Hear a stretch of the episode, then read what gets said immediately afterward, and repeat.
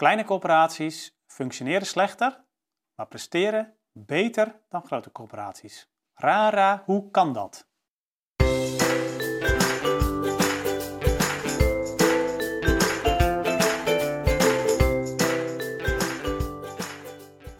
in deze aflevering wil ik het dus met je hebben over het functioneren en het presteren van kleine en grote corporaties. Uit onderzoek van uh, de stichting Visitaties uh, Woningcorporaties bleek eind 2020, en ze hebben daar een analyse gedaan van uh, visitatierapporten over eigenlijk bijna een heel decennium, van 2011 tot 2019. Daaruit bleek dat kleine corporaties vaak slechter scoren, of in ieder geval gemiddeld slechter scoren op governance aspecten, maar tegelijkertijd beter maatschappelijk presteren. Althans, ze worden daardoor hoger beoordeeld door hun belanghebbenden. En ik zie zelf een vergelijkbare, um, ja, vergelijkbare onderscheid in mijn jaarlijkse onderzoek naar portefeuille- en assetsturing. Dus ik kijk al sinds 2017 ook naar het presteren van corporaties als het gaat om portefeuille- en assetsturing. En ook daar zie je dat de kleine corporaties slechter scoren op de randvoorwaardelijke zaken zoals heb je de goede software? Heb je de processen goed ingericht? Weet iedereen wat hij moet doen? Heb je voldoende capaciteit vrijgemaakt? Maar tegelijkertijd scoren ze wel beter. Hè, geven corporaties aan uh, in hoeverre ken je nou je werkgebied echt goed? Nou, kleine corporaties blijken dat beter te kennen. En kleine corporaties hebben ook vaker beleid geformuleerd op de opgaven die ze in hun werkgebied zien. Actueel beleid geformuleerd. Dus daar zit een rare discrepantie in dat kleine corporaties dus blijkbaar in de randvoorwaardelijke zin um, slechter functioneren, maar toch beter maatschappelijk presteren. En um, ja, toen ben ik toch eens gaan kijken van hoe zit dat nou precies? En dan met name met die governance. Moet je daar niet op, op een hele andere manier naar kijken, zeker voor kleine corporaties? Nou is het zo dat bijvoorbeeld in visitatiemethodieken al ja, op een andere manier naar de governance bij kleine corporaties wordt gekeken. Hè. Er wordt toch ehm, ja, wel rekening gehouden met de schaal.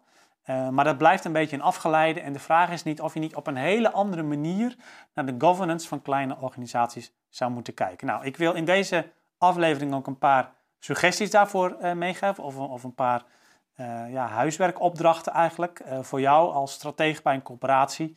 Om daar verder over na te denken en daar ook met elkaar de discussie over te voeren. Wat ik heb gezien is dat governance nou, voor in ieder geval drie zaken van belang is. Dat is als, als eerste de transparantie. Uh, hè, de transparantie van de organisatie. Nou, dat is met name, zie je ook in de onderzoeken, is dat van belang voor grote organisaties. Want uh, ja, grotere organisaties zijn nou eenmaal in zichzelf over het algemeen vaak hebben de neiging om minder transparant te zijn. Ja, er zijn nu eenmaal in het kantoorgebouw meer ruimtes waar je iets kan verstoppen of waar iets kan kwijtraken. En waardoor het dus minder transparant wordt. Dus en heel veel van die governance codes die zijn ook ontstaan vanuit die behoefte aan meer transparantie. Dus dat is heel erg iets wat helpt bij grote organisaties, maar wat voor kleine organisaties veel minder van belang is en wat misschien alleen maar extra eh, gedoe met zich meebrengt om dat allemaal te regelen om iets wat transparant is al bij een kleine organisatie, om dat ehm, nog eens een keer transparant te maken op een andere manier. Ehm, ja, waardoor het dus eigenlijk twee keer te zien is. En dat draagt natuurlijk veel minder bij dan wanneer je bij een grote organisatie dingen die niet zo transparant zijn, wel transparant kunt maken. Dat is de eerste reden waarom governance op zichzelf een goed idee is. De tweede reden is de legitimiteit. Omdat ook in de governance wordt geregeld hoe je ook bijvoorbeeld omgaat met externe belanghebbenden. Uh, en hoe je er dus ook voor zorgt dat bijvoorbeeld een gemeente en een huurdersorganisatie betrokken worden bij het beleid van de corporatie.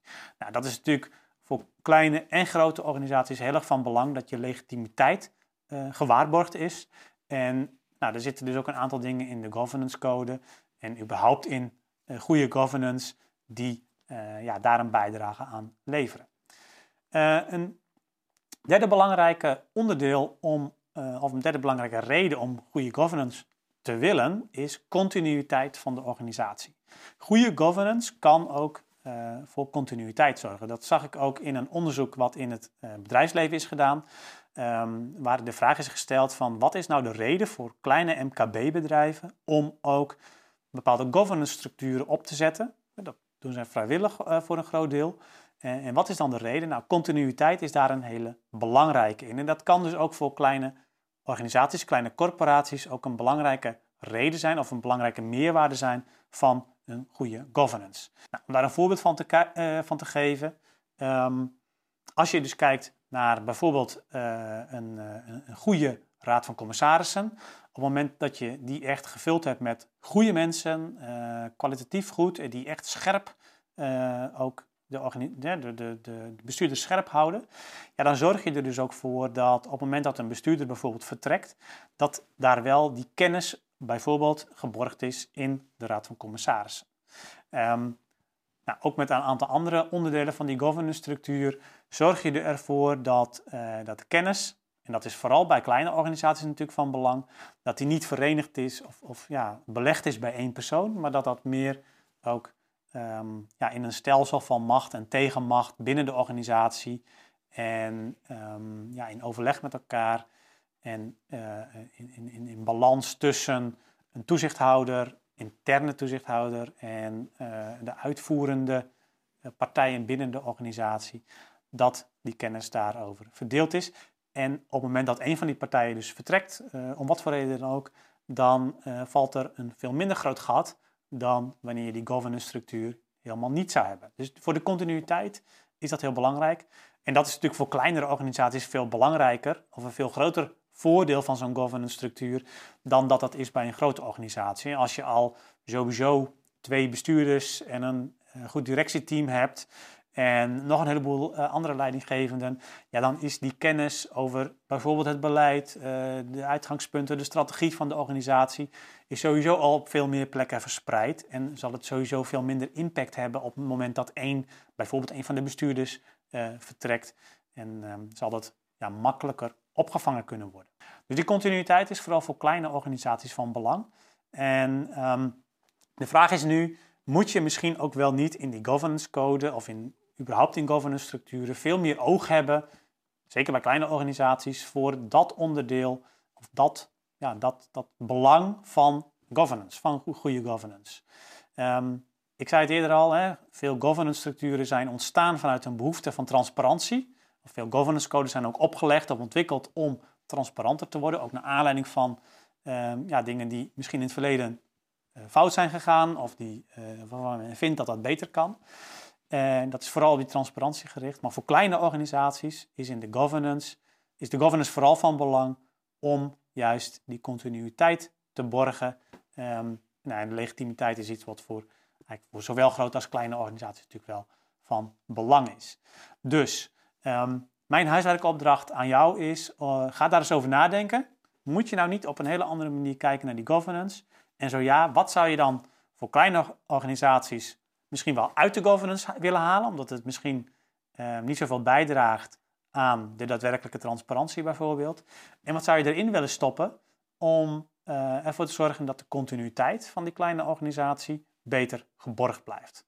Dat is het huiswerk en um, ik ben benieuwd naar je reactie, dus uh, laat het ook gerust weten. Leuk om daar een keer over verder te filosoferen en um, nou, ik hoor dus graag van jou. Bedankt voor het luisteren naar deze podcast. Wil je nieuwe afleveringen ontvangen? Abonneer je dan op deze podcast. En kijk ook eens op onze website corporatiestratege.nl voor meer praktische tips en downloads die jouw werk als corporatiestratege makkelijker maken.